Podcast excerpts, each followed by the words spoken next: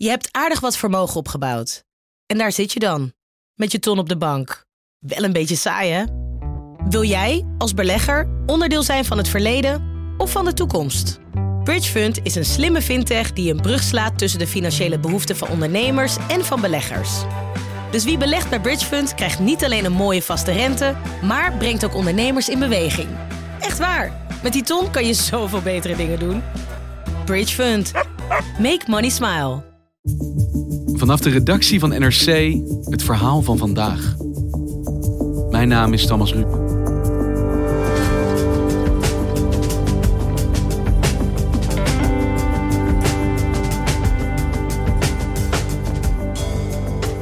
Voor veel landen is klimaatverandering nog een abstractie. Angstaanjagend, zeker, maar ook ongrijpbaar en ver weg. Niet voor Bangladesh. Rivieren overstromen, de zee rukt op en hele bevolkingsgroepen dreigen hun manier van leven te verliezen. Zoals de riviernomaden, die voor hun medische zorg afhankelijk zijn van een ziekenhuis dat drijft.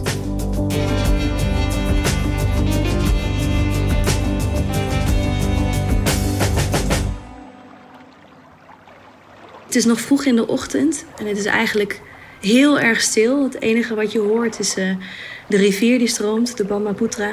En het geluid van bootjes, de motoren van bootjes die aankomen om, uh, om mensen hier op de kade af te zetten. Want hier op de kade is een, uh, een wachtrij. Eva Oude-Elverink is correspondent in Zuid-Azië met als standplaats Delhi. Dit is een eiland in het noorden van Bangladesh. Midden in de Brahmaputra-rivier, wat een, een, enorme rivier is die het hele land doorkruist. Vanuit de Himalaya's in India komt naar beneden doorgestroomd naar de, de baai van Bengalen. En in die rivier hebben zich overal stipjes, de ene groter dan de ander, ontwikkeld. Het zijn eilanden. Sommige liggen echt, nou ja, komen net boven het water uit. En de andere misschien een uh, 1 of 2 meter ligt ze boven het water. En de grond op deze eilanden is extreem vruchtbaar. En dat maakt ook dat deze eilandjes bewoond worden door mensen die het Tjaarvolk worden genoemd. Deze mensen zijn eigenlijk nomaden omdat de eilandjes, zoals ik net al zei, in een rivier liggen die enorm krachtig is. En zeker wanneer het regenseizoen aanbreekt, dan uh, wordt die kracht alleen nog maar heftiger en stijgt ook het water. Waardoor deze eilandjes die al laag liggen, uh, sommige volledig onder het water verdwijnen. Het is zeker ook geen gemakkelijk bestaan. En eigenlijk zijn alle mensen die op deze eilanden wonen, zijn ook arm. Het zijn mensen die, die rondkomen puur van de landbouw, van, uh, van het vissen. Um, en, en gewend zijn om om de zoveel tijd eigenlijk alles kwijt te raken wat ze hebben. En dit eiland waar we nu zijn is helemaal, helemaal in het noorden. De mensen hier op de kaasland zijn de bewoners van de Tjaar. Sommige van het eiland waar de boot is aangelegd. Andere komen van andere eilanden. En ze zijn daar omdat ze uh, medische hulp nodig hebben. Ze staan in de rij te wachten tot ze op een boot kunnen. Die is omgetoverd tot een drijvend ziekenhuis. Op de kade kwam ik uh, Ravi Siddiq tegen, die daar aan het werk was. En hij heeft me eigenlijk uh, rondgeleid om te laten zien wat ze allemaal doen. They come and form a queue over here. A separate line for male and separate line for the female. The line in between is for the elderly and disabled. Het zijn mannen, het zijn vrouwen, het zijn ook heel veel kleine kinderen die, uh, die er rondrennen. En tussen hen stond ook Ismat Tara. En Ismat is een, een meisje van 16, bloedmooi, amandelvormige ogen, ravenzwart haar wat ze in een, een, lange vlecht had gebonden, maar uh, die was uh, deels onder een, uh, een doek verborgen. En ze is 16, maar ze was ook al moeder. Ze, toen ik haar ontmoette had ze haar dochtertje op de arm, meisje van inmiddels zes maanden. En zij is opgegroeid, geboren op de Tjaars. Inmiddels heeft ze er al twee versleten. De eerste jaar waarop ze opgroeide is in 2010 onder water komen te staan en is niet meer hij is niet meer boven water gekomen. Wat is er met haar aan de hand? Waarom is ze daar? Nou, inderdaad. Ik, ik vroeg aan iemand van, goh, waarom ben je hier? En toen zei ze, nou, ik, uh, ik denk dat ik een tumor heb. Ik vroeg een tumor. En toen liet ze, ze deed er, de, de, de doek die ze op haar hoofd droeg, die, die deed ze een beetje opzij. En toen liet ze een, een bult op de hoofd zien. En uh, nou ja, ze heeft hem al een paar jaar en ze had, er, ze had er nooit last van. Maar de laatste maanden is ze futloos en duizelig. En haar babytje die ze, die ze op haar arm droeg, die was uh, veel aan het hoesten. En daar, dat vond ze ook niet helemaal prettig. Dus ze, wilde, ze wilde weten wat er, wat er met hun aan de hand was.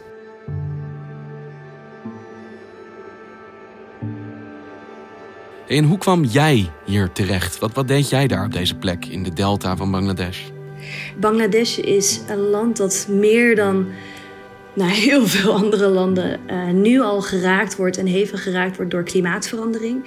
Het komt door de ligging. Dus Bangladesh is een uh, enorm lage land. Meer dan 60% van de landmassa ligt minder dan 5 meter boven zeeniveau. En het wordt doorkruist door drie grote rivieren. Dus je hebt de Brahmaputra, de Ganges en uh, de Meghna. En uh, dat maakt dat Bangladesh eigenlijk één grote delta is. Die door de rivieren die kunnen overstromen, maar ook de zee die door de zeespiegelstijging steeds hoger wordt, uh, land aan het opvreten is. En daarbij ligt Bangladesh ook nog eens op de route van cyclonen.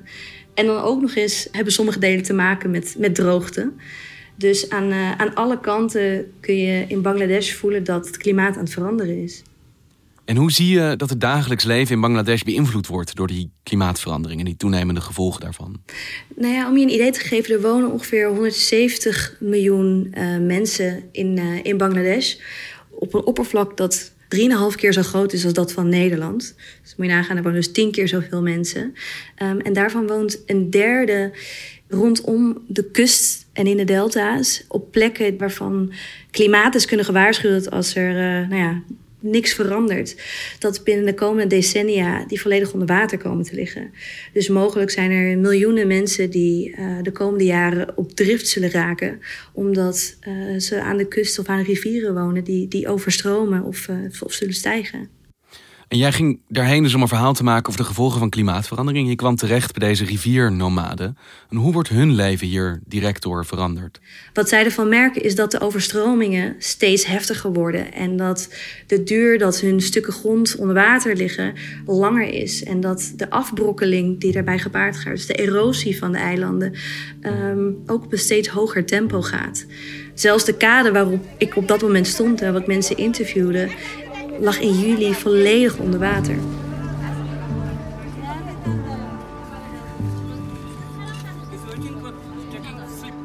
En krijgen ze hulp daar?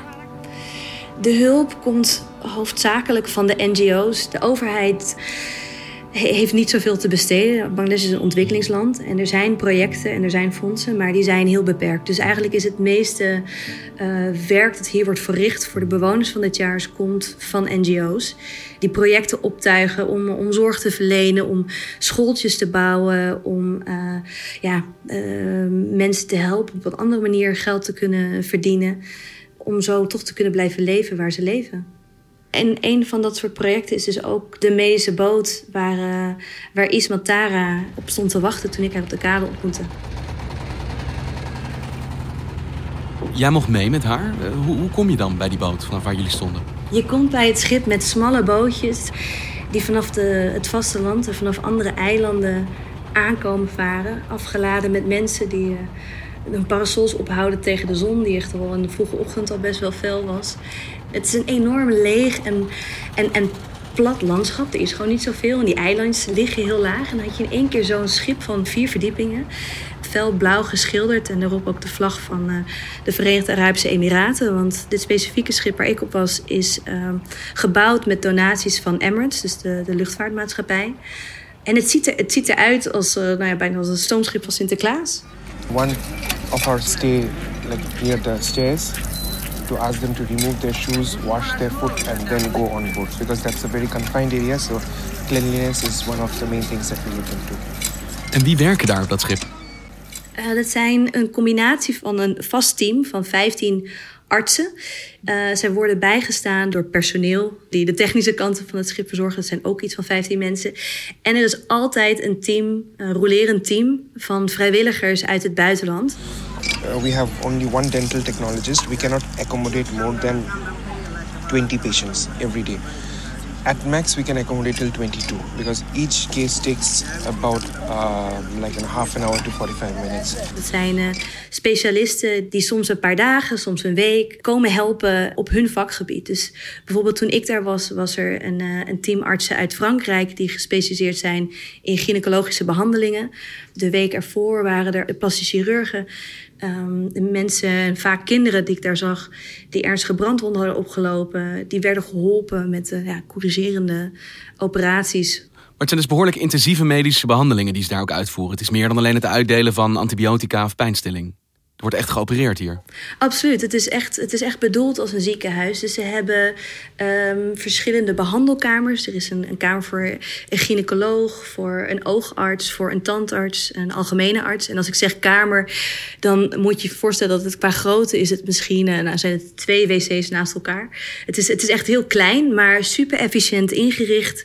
Op zo'n manier dat ze daar wel echt de hulp kunnen, kunnen bieden die nodig zijn. Nou ja, als het echt ernstige gevallen zijn of echt noodsituaties dan is er ook een ambulanceboot die klaar ligt naast het ziekenhuisschip. Waarmee die patiënten dan uh, alsnog naar ziekenhuis op het vasteland worden gebracht.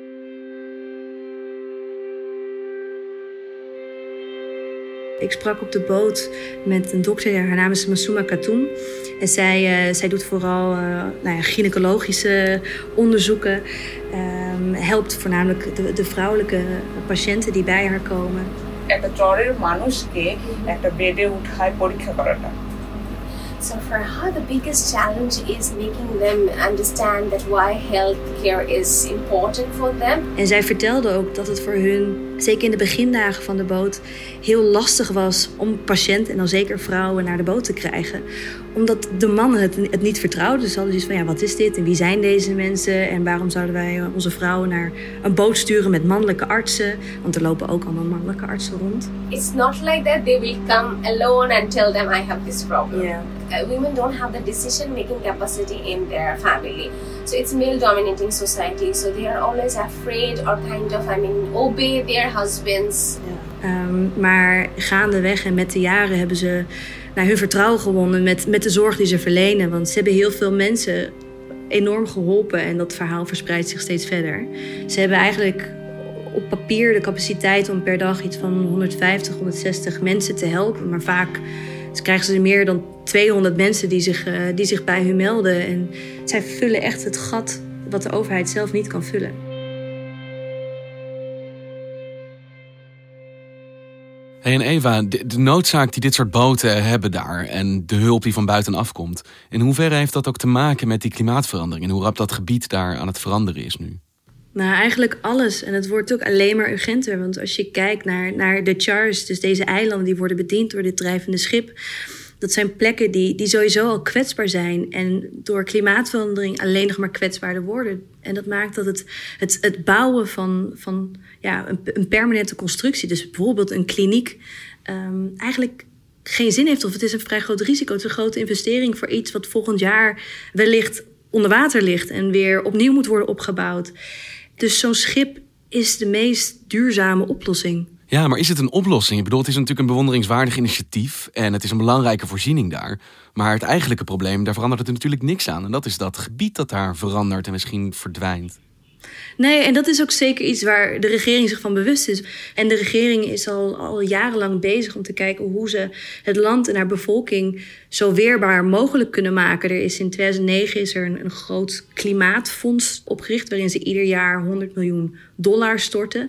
En dat wordt dan verdeeld over, over ministeries, maar ook de ministeries zelf moeten een deel van hun budget vrijmaken eigenlijk voor, voor klimaat verandering.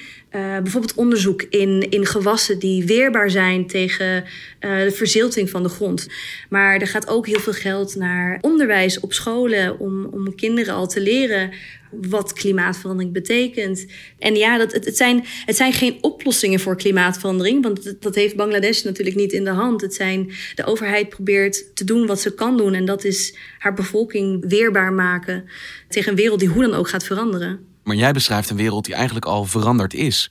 En dan gebeurt dat net in zo'n land. Hebben zij de middelen daar om Bangladesh boven water te houden straks? The UN predicts that within 40 years, some 20 million Bangladeshis will be displaced because of severe natural disasters. The people here have been called the original climate refugees. Each family has a story to tell of loss and devastation, and all because of climate change. There are more people here at direct risk from sea level rise and extreme weather events than anywhere else on the planet. We all need a deal at the Paris talks, but nowhere needs one more than Bangladesh. Nou ja, die middelen zijn redelijk beperkt. En Bangladesh is dan ook heel erg afhankelijk van geld uit het buitenland, van de Wereldbank bijvoorbeeld eh, en andere NGO's. Er zijn projecten, waaronder met Nederland, om deltawerken te bouwen die het land enigszins moeten beschermen. Maar de vraag is dan voor hoe lang En die riviernomaden waar jij je tussen begaf, heerst er bij hen het besef dat hun manier van leven mogelijk echt gaat verdwijnen? het begint te komen al, is het de vraag. Want ik, ik heb ook eigenlijk aan iedereen met wie ik sprak gevraagd: van goh, maar zeker de mensen die vertelden dat ze twee, drie, vier keer naar een ander eiland uh, moesten verhuizen omdat hun eiland onder water was verdwenen. Goh, maar waarom, waarom ga je dan niet op het vasteland wonen?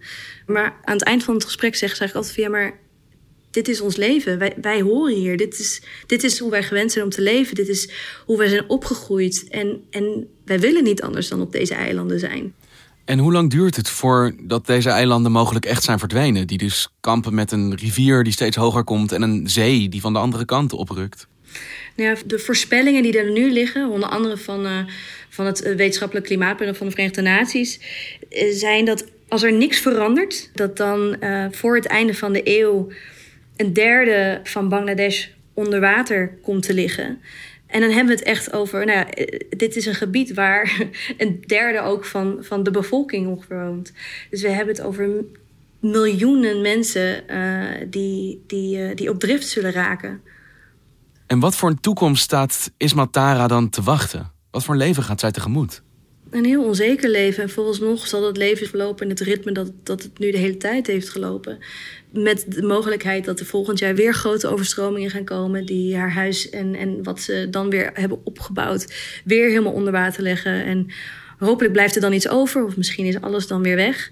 En dat patroon zal zich, uh, zal zich blijven herhalen. Het gaat meer eigenlijk over hoe, hoe destructief gaat de volgende overstroming zijn. Dan de vraag of er weer een overstroming gaat komen.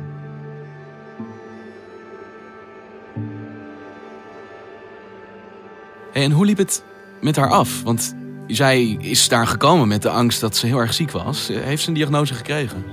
Ze heeft een diagnose gekregen. Ze had geen tumor. Um, de arts was daar vrij snel over uit. Ismat vertrouwde dat nog niet helemaal. Die heeft daarna denk ik nog echt drie, vier, vijf keer onder andere ook aan mij gevraagd of de dokter wel zeker wist dat ze echt geen tumor had. Ze heeft geen tumor. Ze was, uh, ze, ze was eigenlijk gewoon ondervoed. En hoe hebben jullie afscheid genomen? Hoe heb je haar daar achtergelaten? Nou ja, ik heb haar daar eigenlijk niet achtergelaten, want ik wilde heel graag met haar mee naar huis. En in eerste instantie dacht ik dat zij en, en, en haar schoonmoeder me mee zouden nemen naar hun eiland, waar ze me net veel over hadden verteld. Maar toen we in de boot stapten, ging dat bootje in één keer naar, uh, naar vasteland. En wat ze mij niet hadden verteld, was dat hun eiland volledig onder water was komen te staan. En dat zij op het moment dat ik hun ontmoette, helemaal niet op dat eiland woonde, uh, maar tijdelijk bij familie van haar schoonmoeder op het vasteland.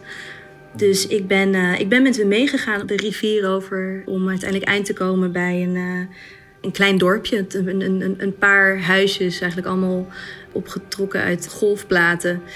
En in één zo'n huisje, kamer eigenlijk, woont iemand nu met, met haar man, met haar babytje, en schoonmoeder en schoonvader. Want haar eigen eiland is al net verdwenen. Hun eiland is verdwenen. En ik vroeg ook van, goh, maar betekent dat als je dan nu hier gaan blijven? Ze nee, nee, nee.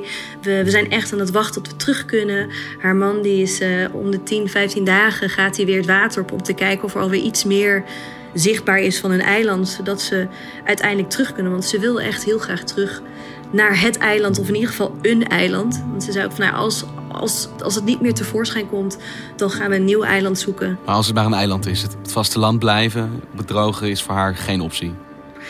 Toen ik dat haar vroeg, toen keek ze me ook een beetje in stilte aan. En zei dat, eigenlijk, dat is een vraag die alleen maar mensen van de Highland kunnen stellen. de Highland, zo noemen ze dan het vasteland, of het, het, het hoge land, het droge land. Daar waar ik ben opgegroeid, daar wil ik ook sterven. Ik wil niet hier, waar iedereen op elkaars lip zit, uh, zijn. En ja, het leven op de eilanden is zwaar, maar het, het, het, is waar ik, het is waar ik vandaan kom en het is waar ik wil sterven.